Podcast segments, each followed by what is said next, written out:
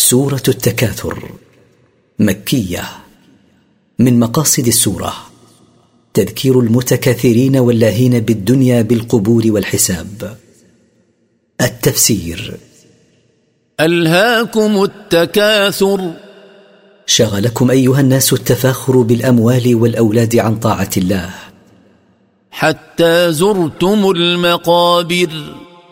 حتى متم ودخلتم في قبوركم. كلا سوف تعلمون. ما كان لكم أن يشغلكم التفاخر بها عن طاعة الله؟ سوف تعلمون عاقبة ذلك الانشغال. ثم كلا سوف تعلمون. ثم سوف تعلمون عاقبته.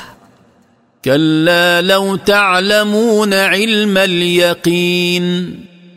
حقا لو أنكم تعلمون يقينا أنكم مبعوثون إلى الله وأنه سيجازيكم على أعمالكم لما انشغلتم بالتفاخر بالأموال والأولاد.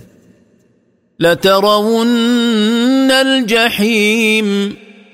والله لتشاهدن النار يوم القيامة. ثم لترونها عين اليقين. ثم لتشاهدنها مشاهدة يقين لا شك فيه.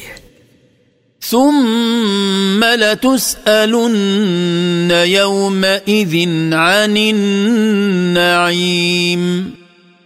ثم ليسألنكم الله في ذلك اليوم عما أنعم به عليكم من الصحة والغنى وغيرهما.